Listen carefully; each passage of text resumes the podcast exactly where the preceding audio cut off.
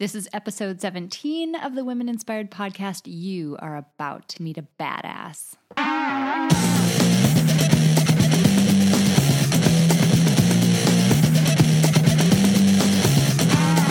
Welcome to the Women Inspired podcast. I'm your host, April Seifert.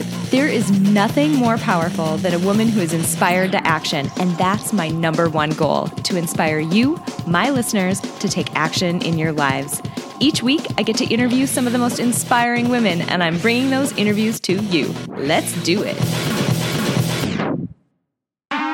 Dr. Ashley Smith is a clinical psychologist who specializes in the treatment of anxiety disorders. Her first book, called Childhood Anxiety Disorders, is coming out in April. After working at a nationally recognized specialty center for years, she is branching out on her own by starting a private practice. She helps individuals learn to embrace uncertainty, face their fears, and lead a life that is not ruled by anxiety. Ashley is also legally blind. With a rare, untreatable retinal disease, Ashley knows what it's like to face uncertainty. Despite doctors predicting the contrary, her vision has worsened significantly in recent years, making daily activities she used to take for granted, like driving, reading books, and recognizing people across the room, impossible. As her vision has declined, she's also had to learn to adapt. She will readily admit that living with a disability is a scary struggle, but she strives to keep it from defining her or holding her back. Those professional skills of hers definitely come in handy. Keep an eye out, pun intended, for her blog called A Blind Quest for Happiness, which she hopes to launch later this year.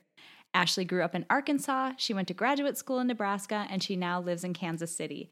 She enjoys ballroom and swing dancing, and she has a few amateur comps under her belt. She enjoys reading, thank you, adaptive technology, and traveling. She thrives on new experiences and believes that boredom is the antithesis of happiness. Well, Ashley, welcome to the podcast. Thanks, April. I'm so excited to be talking with you this morning. Well, we are very, very excited to have you. And I think this is going to be uh, an awesome conversation, uh, knowing a bit about your background. But before I get too ahead of myself, um, help us get to know you a little bit. Just tell us about yourself. I was um, born and raised in the South. So I grew up in uh, Southwest Arkansas on the border of Texas, and I grew up with my mom and dad, and I had two younger brothers. Um, went to college in Arkansas, and then uh, majored in psychology, honestly, because it was the only class that um, I didn't fall asleep reading the textbook. and then when you get into psychology, you realize, hey, you really kind of have to go on, you know, if you want to do anything with it. So I uh, went to graduate school in Nebraska at the University of Nebraska Lincoln um, and then lived in uh, Omaha for a couple years after that, and then relocated to Kansas City about eight years ago, where I've been uh, working in uh, practice at an anxiety specialty center. Um, free time, I like to ballroom dance. I like to travel. Um, like to read. Awesome. So tell us a little bit about uh, where you're at today. What are you up to right now? I am in a honestly in a really big kind of state of transition. So um, I I've been at the, the, this anxiety center for about eight years now, and uh, honestly, it was my dream job when I landed it. So I was like 29, landed my dream job, and it was great. And then kind of over time. I just kind of realized I wasn't growing anymore and I was getting a little bit bored and needed a new challenge. So, right now, I am super excited um, about my next step, which is I am scaling back my hours and I'm going to part time and I'm opening a private practice. Yes. So, I'll still be doing the anxiety stuff uh, that I really love, but I'm really kind of on this mission to redesign my life in a way that isn't uh, that doesn't kind of make me a slave to like the nine to five work come first sort of thing so i'm really excited to be doing that um, actually in the last year i it's part of my mission of like hey i need to get interested and excited about things again i took on some new projects. So uh, i wrote my first book and it's coming out uh, mid-april so i'm really excited about that. It's a super nerdy like quick and dirty textbook on treating childhood anxiety but it's a a pretty big personal accomplishment. So private practice and then the book comes out and then my next adventure is starting a blog um, so that'll be new and overwhelming because I'm not tech savvy at all. Um, so I'll probably be hitting you up for some uh, guidance along the way, but I'm really excited about that too. You have a ton going on. That is, uh, that's crazy exciting. Um, mm-hmm.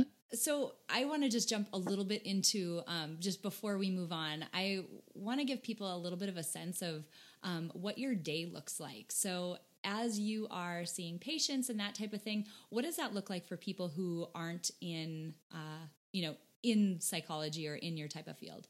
Yeah. So, first of all, let me say I don't do the touchy feely um, type of psychotherapy. Uh, I'm very much a scientist at heart. So, I do what's called evidence based practice, meaning that science shows it works. And I'm a very directive person just by nature. And that certainly translates um, to my practice as well.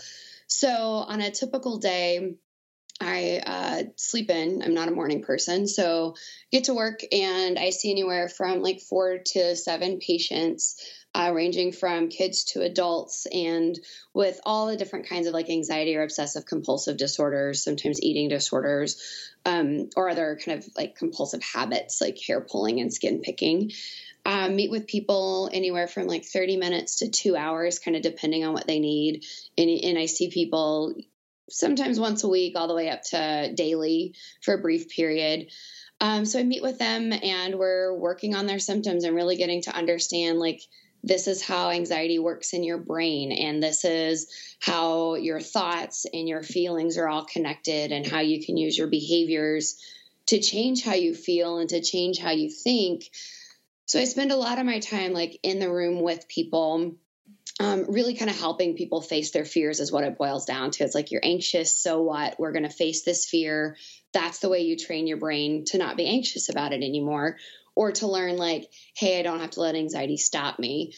Um, then I have to do a bunch of paperwork and some phone calls and emails. Um, and then after work, it's anything from um, I mean, I'm not gonna lie, I like Netflix, um, or dancing, or reading, or I like to cook. Um, so I do that kind of in the evenings right now. Nice. So, okay, I'm going to jump into um, kind of the meat of why mm-hmm. I was so stinking excited to talk to you. You know, as you've just gone through, you have a ton going on. You're super dynamic. You, you know, you're writing a book, which is an amazing, or you wrote a book, which is an amazing accomplishment. Starting your own gig is no laughing matter. I mean, that is a huge uh, thing to take on.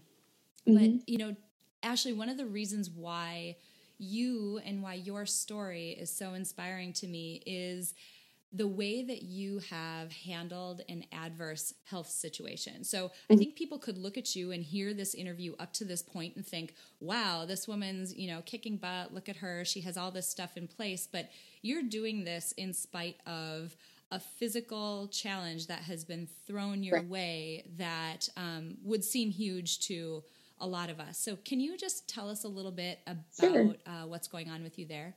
Yeah. So, um, like bottom line, I'm legally blind, and I always have been.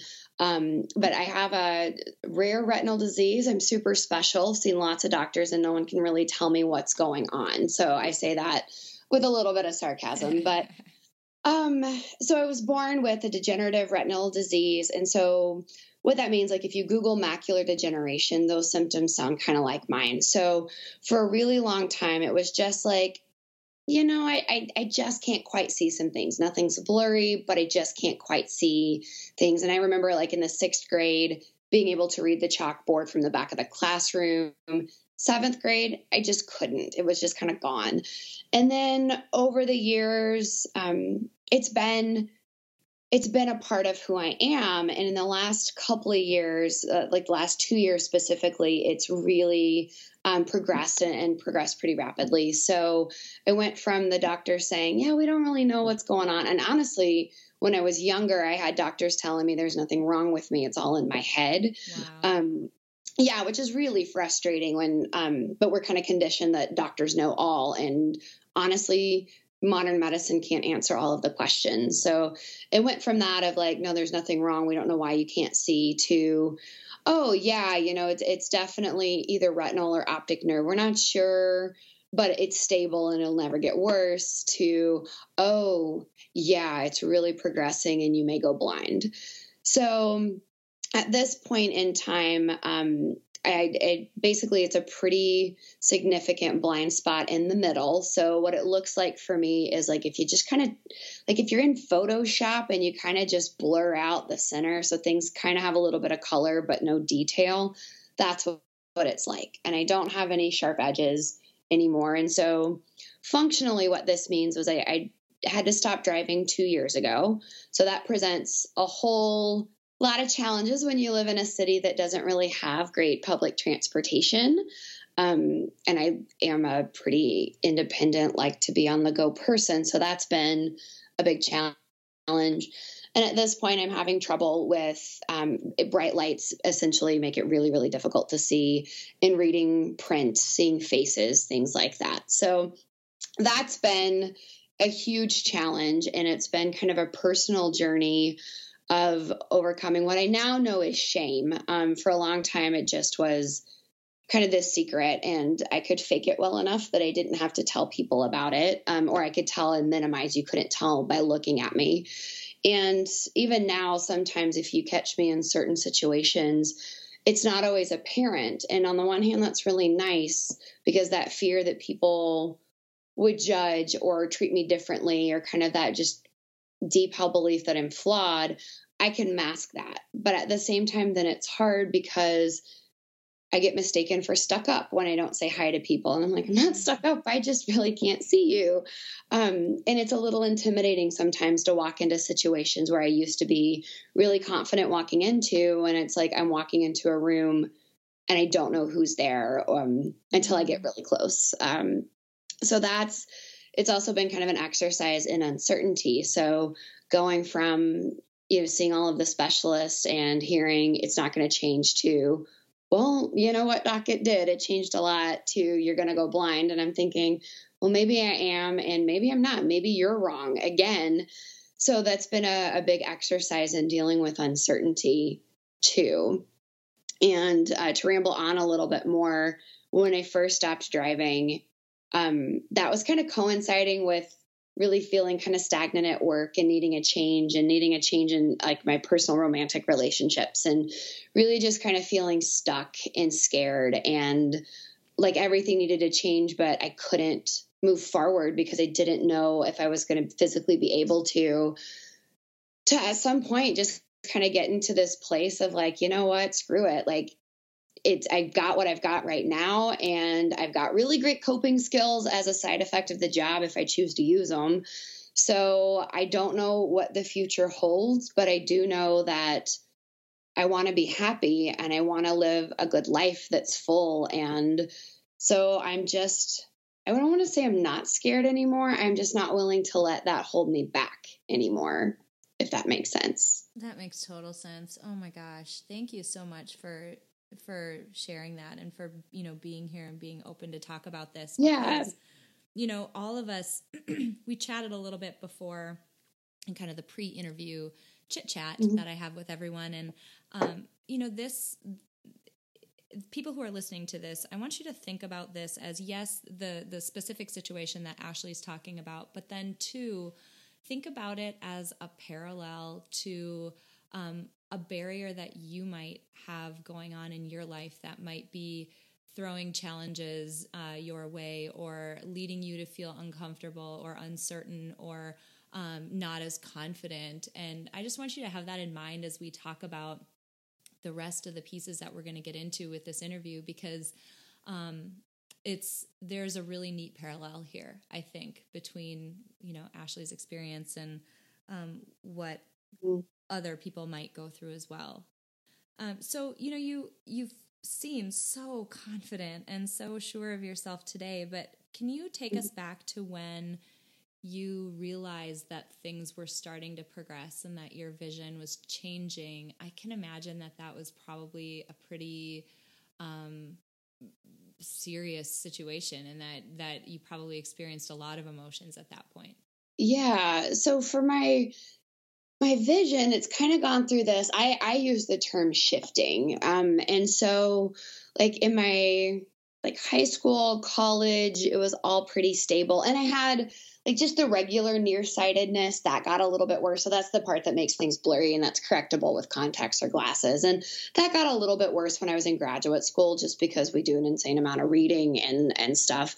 So that was all fine. But then when I was 26, I was an intern at a children's hospital. And that's when I had the first big shift. And it was like, um, for me, it kind of feels like if you sort of like cross your eyes, not all the way, but just a little bit to make the picture kind of wiggle. Um, it does that for a couple of days, and I get like eye strain and headaches, um, and then just some stuff is missing. And so that happened at 26, and then it stabilized again for a few years.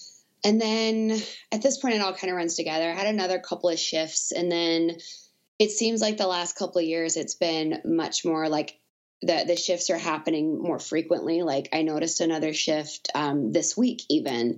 So it's um, it got to the point where like I was I, I drove and then I had to have a telescope device to legally drive and I just kept in the car because I didn't really need it and then I noticed that I started to need it to uh, feel safe driving. And then it got to the point where even with that I wasn't feeling super safe. I was I wasn't really trusting that I was going to see things. And I started to kind of think like oh my god how bad would I feel if I caused an accident or got in an accident? So that I that was really kind of the most concrete salient impact on my life was deciding I can't safely drive anymore and given up some of that independence.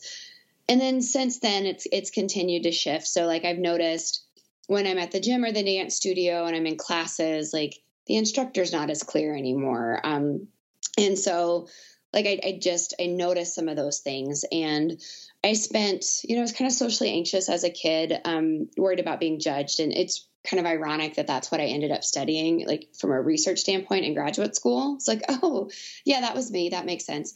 um, so I don't really have any more of that anxiety.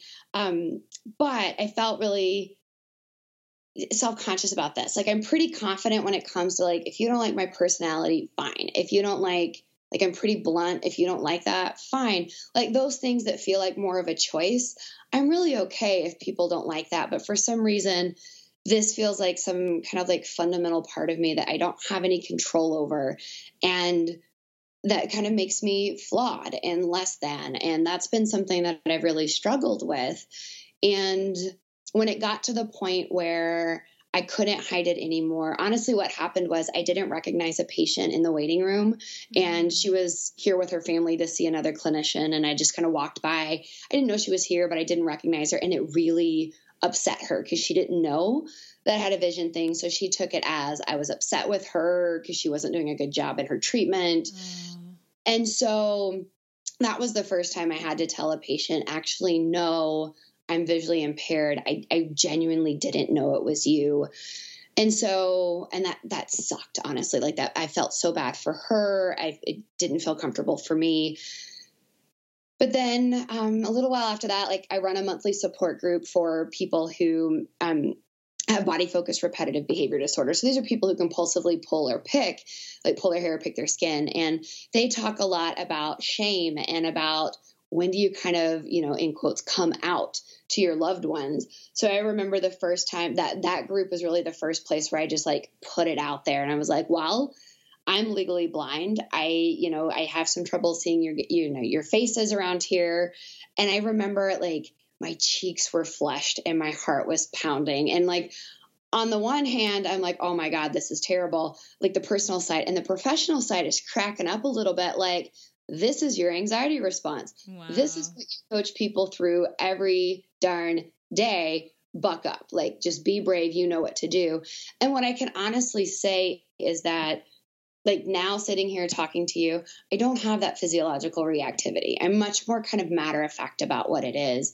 And some of that is like you have to kind of be brave and put it out there. And I find that as I do that, one, the response I get from people is usually, a positive one and a supportive one and it doesn't change like my day to day what i can and can't see but i'm also not carrying around this burden of of you know shame or embarrassment that goes with it or this fear and i'm getting a lot better about being able to ask for help and and say i can't read that can you read that for me or um and that's that's a it's a vulnerability that's uncomfortable. And I think a lot of women, like, we're, it, it, it kind of sucks to feel vulnerable.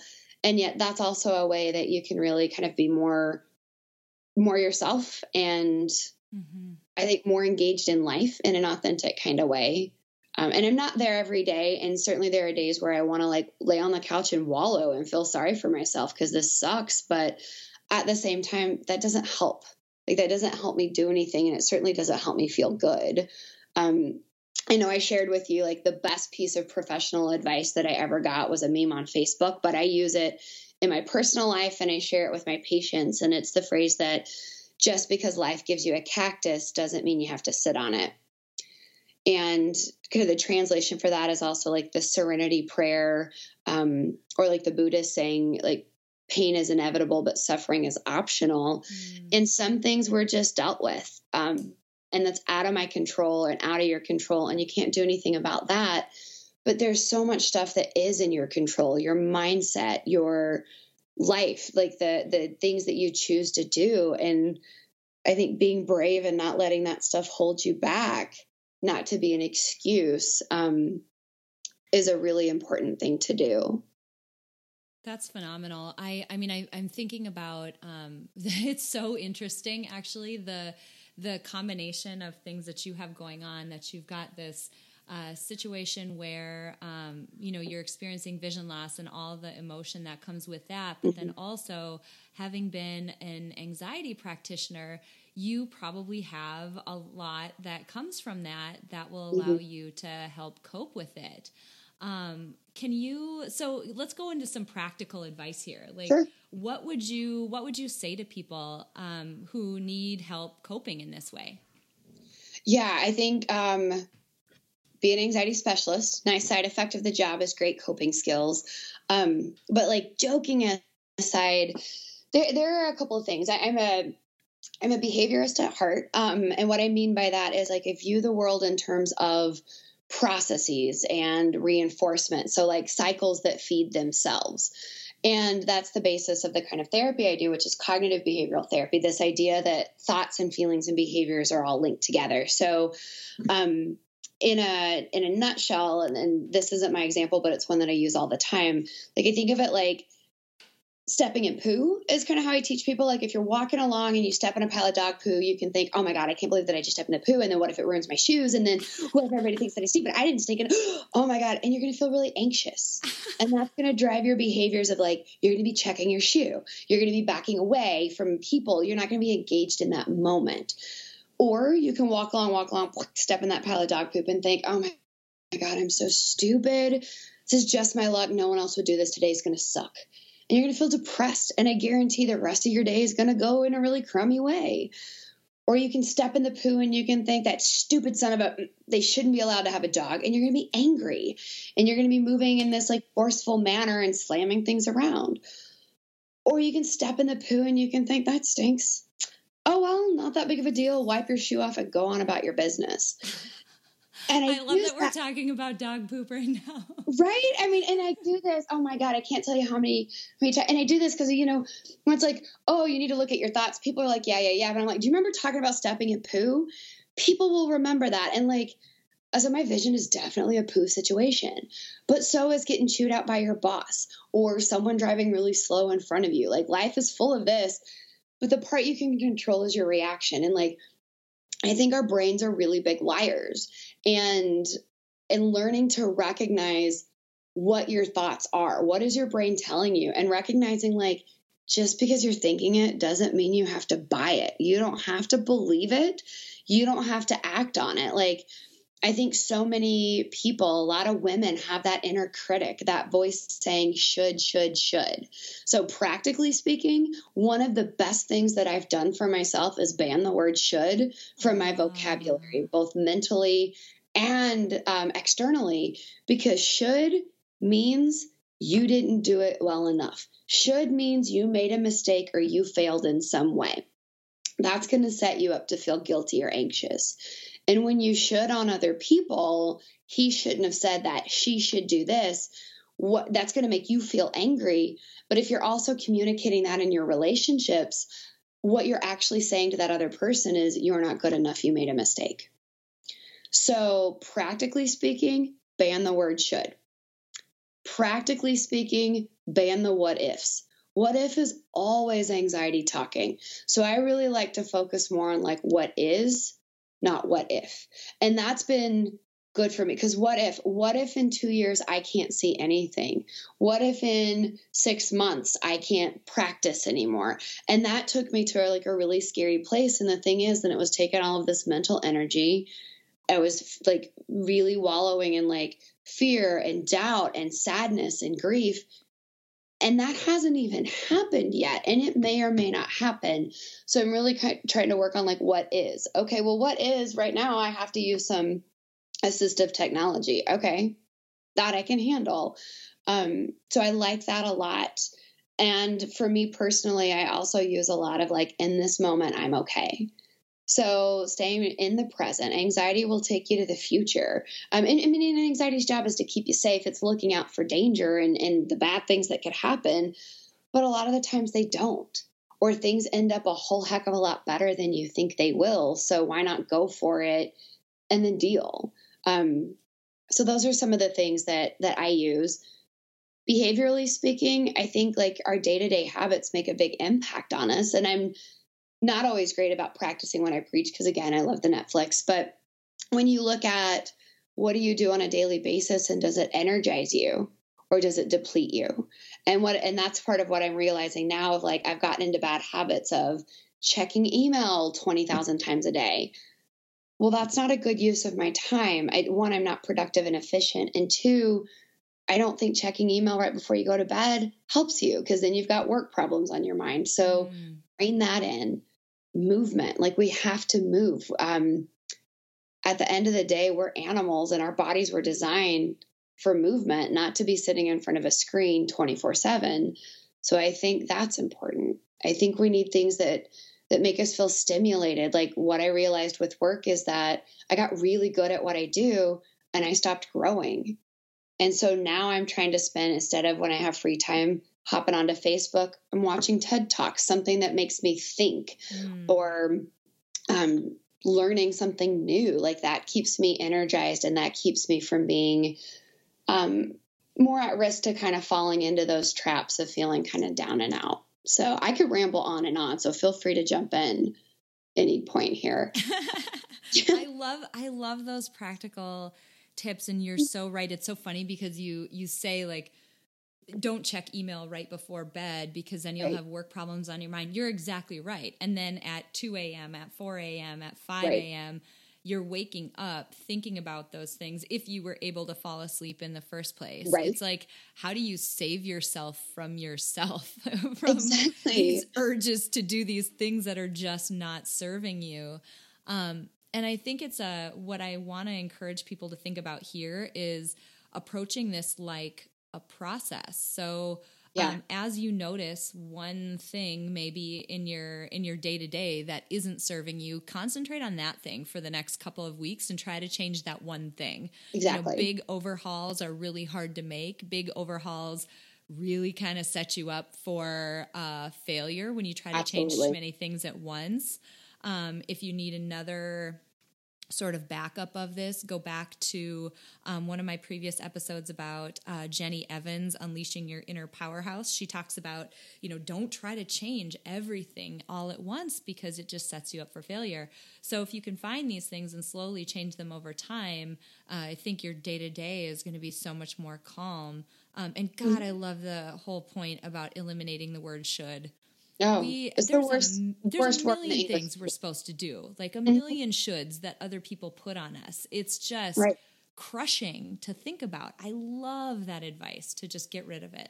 Yeah, I, I find that like if you can reword it, that can help you clarify um, like what's truly a value of yours versus what's a societally imposed should or a family should or your own i know in some of your other podcasts you've talked about like self-limiting beliefs and i mm-hmm. think that's huge um and that's kind of what i was saying like you know brains are liars and and we we you know give ourselves all of these shoulds that really if we stop to examine it don't matter or aren't important. And I think that that's part of what's really freeing is to look at, okay, what's actually important to me.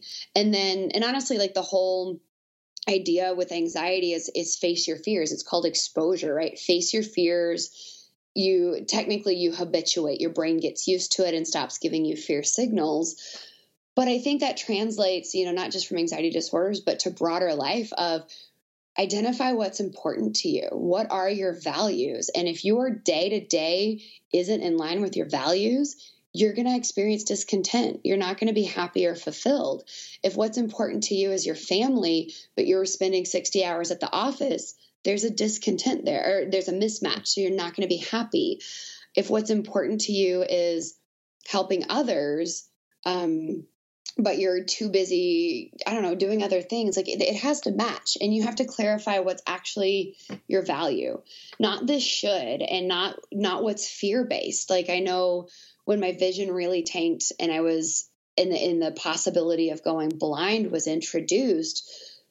Um, that was really scary, and I started to really, I got all freaked out about, oh my god, how am I going to make money, and how am I going to live, and how am I going to be able to support myself, and at that point in time, I didn't really feel like I could count on um, the people who were in my life. And, and, one, that's a signal of, hey, you need to find, uh, I like the word your tribe. Um, you know, you need to find people and, and use the people, and that's okay. That's humans are social creatures by nature. And we were originally designed to live in packs and communities. And we don't have that as much in our day-to-day life so that's okay but then i was also like you just really worried about being able to financially support myself. And i'm i'm not and I've, I've heard some people talk about like the mindset of scarcity versus abundance. And i was hearing that i was like oh yeah that's exactly what was going on. And so now i'm kind of trusting that it's going to work out okay and trusting myself that i'm i am resilient and i have skills and i have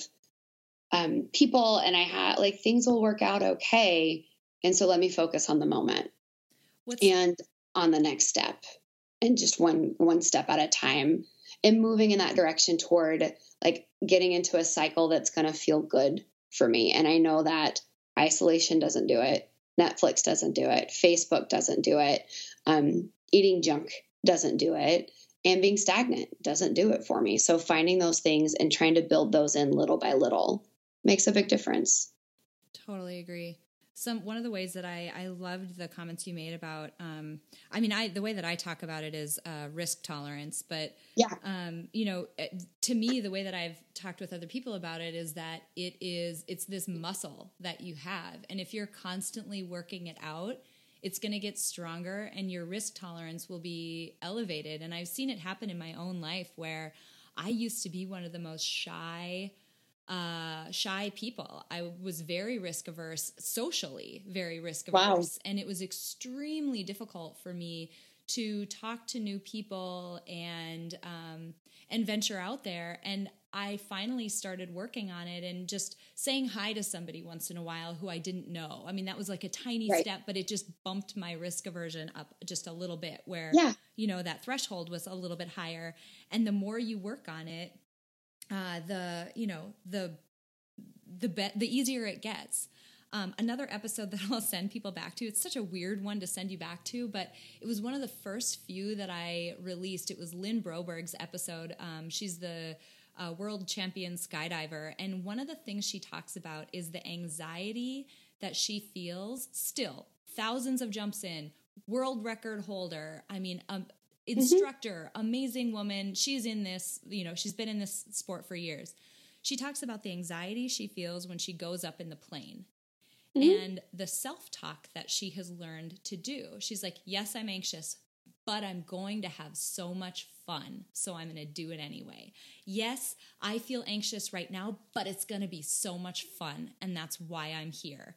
And so something about that, that direction of your emotion to you know the reason why you were there the whole why behind you know absolutely why you started down whatever path it is that you're on you know maybe you're not sitting in a plane that you're ready to jump out of but you know, the whole reason why you were thinking about quitting your job or changing relationships or taking on a new hobby or going to a new organization or whatever it is um, you know yes you might be anxious but think about why is it important for you? And I just, I love that message that you just gave.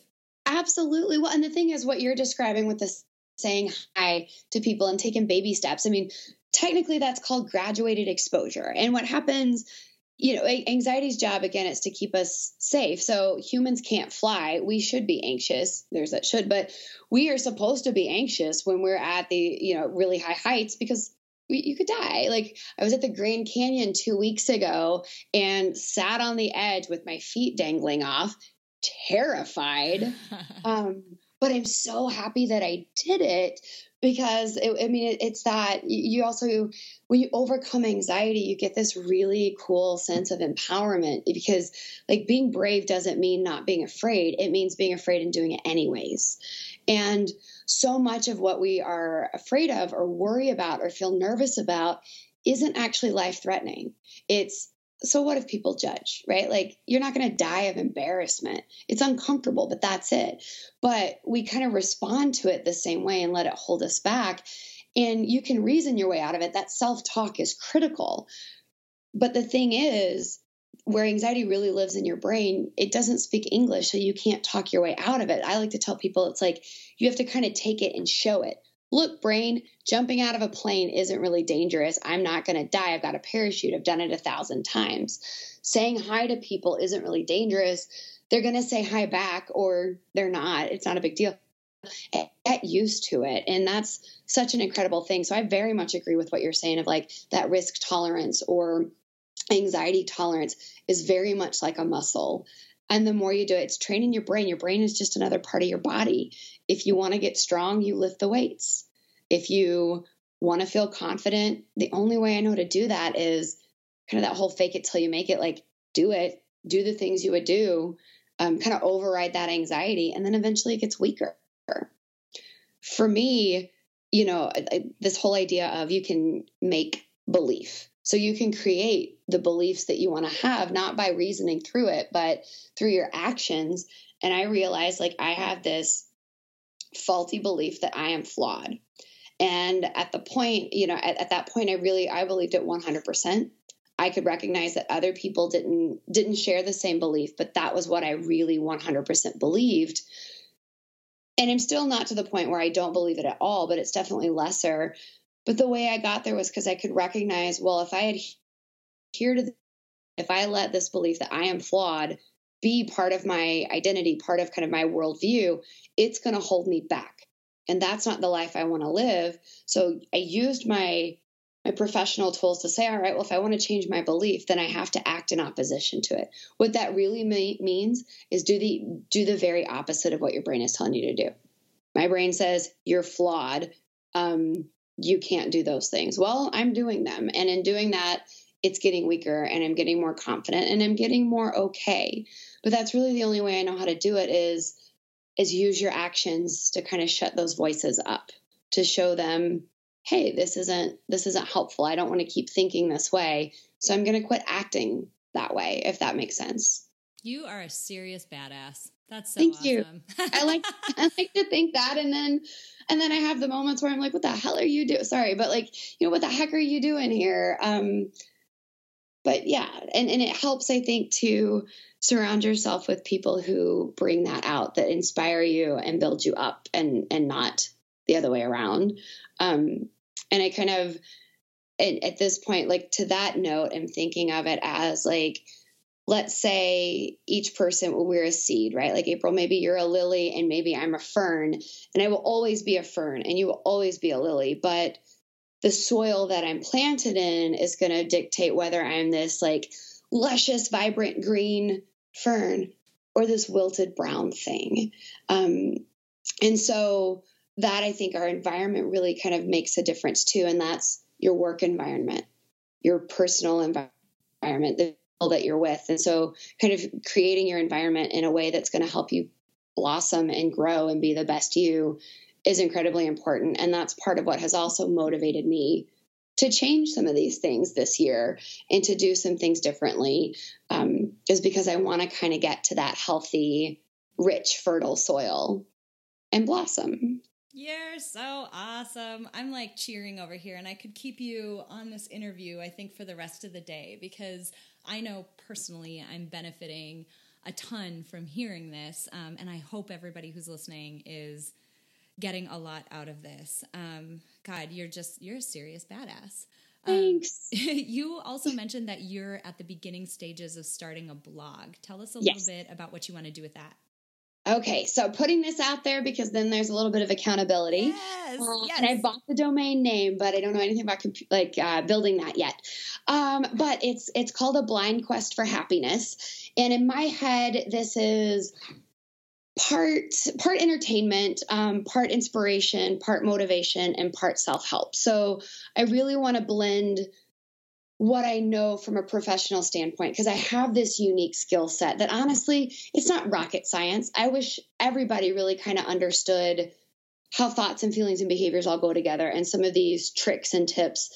Um, so I want to blend that with my personal journey um, of trying to deal with vision loss and still build a meaningful life and the the lessons that I've learned along the way and the adventures that I've had along the way. So that is hopefully coming mid to late end of the year. So um, keep an eye out for that, no pun intended. And um, I'm really excited about that and to see where that goes. And honestly, April, it's it's kind of um, in this same journey I think that you're on of, of wanting to inspire and connect and um, get some really positive energy and momentum out there for us. So that's next up.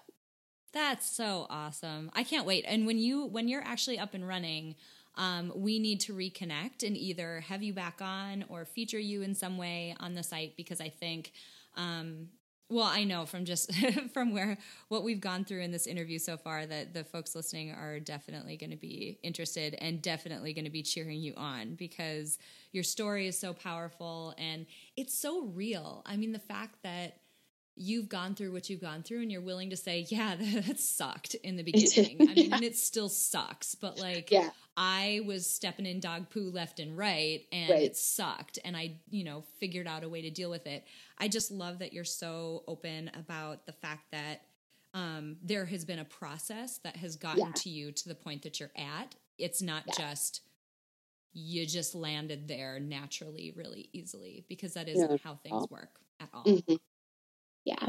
Well, i would love that. Um yeah i think that would be a really cool reconnection thing um, so, the last question that I have for you today is one that I ask every single person who is on the podcast. Um, we are compiling a Spotify Power playlist, which is a playlist of songs that are all curated by the women who have been on the podcast. And really, the goal there is to have just a badass playlist that you can go back to and listen to when you need motivation and inspiration and want to sort of um, momentarily reconnect with these amazing women that have been uh, in these interviews. And so I have to ask you for your contribution to the playlist. I, I have to be, I knew this question was coming and I was like, oh my gosh, which song am I going to say? Um, which is funny that this question is the hardest one. Um, I think at this point, the song that I'm really, uh, really liking and kind of getting pumped just from like a high energy standpoint, it's Lady Gaga's Born This Way. Nice. And in that one, I haven't historically been a huge fan of hers, but for whatever reason, right now, that song is just kind of resonating and makes me want to dance around, um, which is, I think, great. Yes, absolutely. That, um, having something that pumps up your energy and gets you into that motivated high energy state each day um, the more it's it's like i said it's a very rare morning that i'm not jamming out to something to try to get myself um, pumped up for the day so that i can get a lot done. And mm-hmm. um, i love that contribution. I think it's perfect. Cool. well this has been phenomenal. This has just uh, you've you've done an, a number of incredible things. I mean suffice it to say, you've completely inspired me, and I'm certain the people who are listening to this, but also um, you've given us some amazing, just actionable tips. It's great to have someone with your background on who you know knows the science behind um, anxiety and can help us uh, think about how to better manage it because it's something that happens mm-hmm. to every single person we all maybe Absolutely. have you know, our unique triggers that make us feel anxious. But I so appreciate that you've been willing to share some very actionable tips that we can all use. It's been great. It's it's been a pleasure, and I was um, I'm so honored to to be a part of this podcast. It's such an incredible thing that you're putting out there, and I know personally I've really enjoyed the episodes that I've listened to, and I leave each one feeling pumped and inspired and just in this really kind of positive place. So thanks for what you're doing, April. I, I really appreciate hearing that. That's so awesome. Um, it's been great to have you on. Thank you for being honest and open, and we so appreciate it. Oh my God, you guys, I am on fire after that interview. Ashley is facing some serious adversity, and although it's not easy, she's working through it. I mean, she's thriving, even. You can hear it in her voice with how excited she is for everything she's taking on and all of the new things she's doing. It's just really awesome to see. You know, Uncertainty and adversity and fear are things that we all experience in our lives. And I hope some of the things that Ashley talked about and the tips she gave help you cope the next time these things crop up because it's inevitable. It's going to happen to all of us. And I think it's important for us to have some of the things that Ashley talked about um, as tips, have them in our toolbox so that we have them ready the next time that, you know, we're afraid and we're a little bit uncertain about how to move forward. Um, you know, I loved so many things about her interview, but one of the big things that stood out to me is her point about abandoning the word should. I could not agree more. If you visit my website at www.aprilseifert.com, you'll notice a tagline that says, Life is short, break the rules. Ashley's point about abandoning the word should is exactly what I'm getting at with that. Life is so short, and you should live your life in a way that fulfills you, not just to play by everyone else's rules. And I totally just broke that rule because I just said should, but whatever. I'm just going to let that one pass. Um, I also wanted to give a quick shout out to Courtney, who recently wrote me an awesome email. She said, uh, I wanted to send a quick hello and thanks for your efforts. The podcast has been a tremendous pick me up at a time when I really needed it. Well, Courtney, your email was a tremendous pick me up. So thank you so much for reaching out. Thank you for listening. Um, you just have no idea how much it means to me to hear from you. On that note, if you want to connect with me, head over to aprilseifert.com and shoot me a message, or you can join me on the Women Inspired Podcast Facebook page. If you're liking the podcast, I have two small favors to ask. First, if you could share it with two friends, that would be wonderful. And if you could pop over to iTunes and leave me a rating and a review, that would be great. You have no idea how much it helps. I really hope you loved this interview with Dr. Ashley Smith as much as I did. And until next time, have an inspiring week.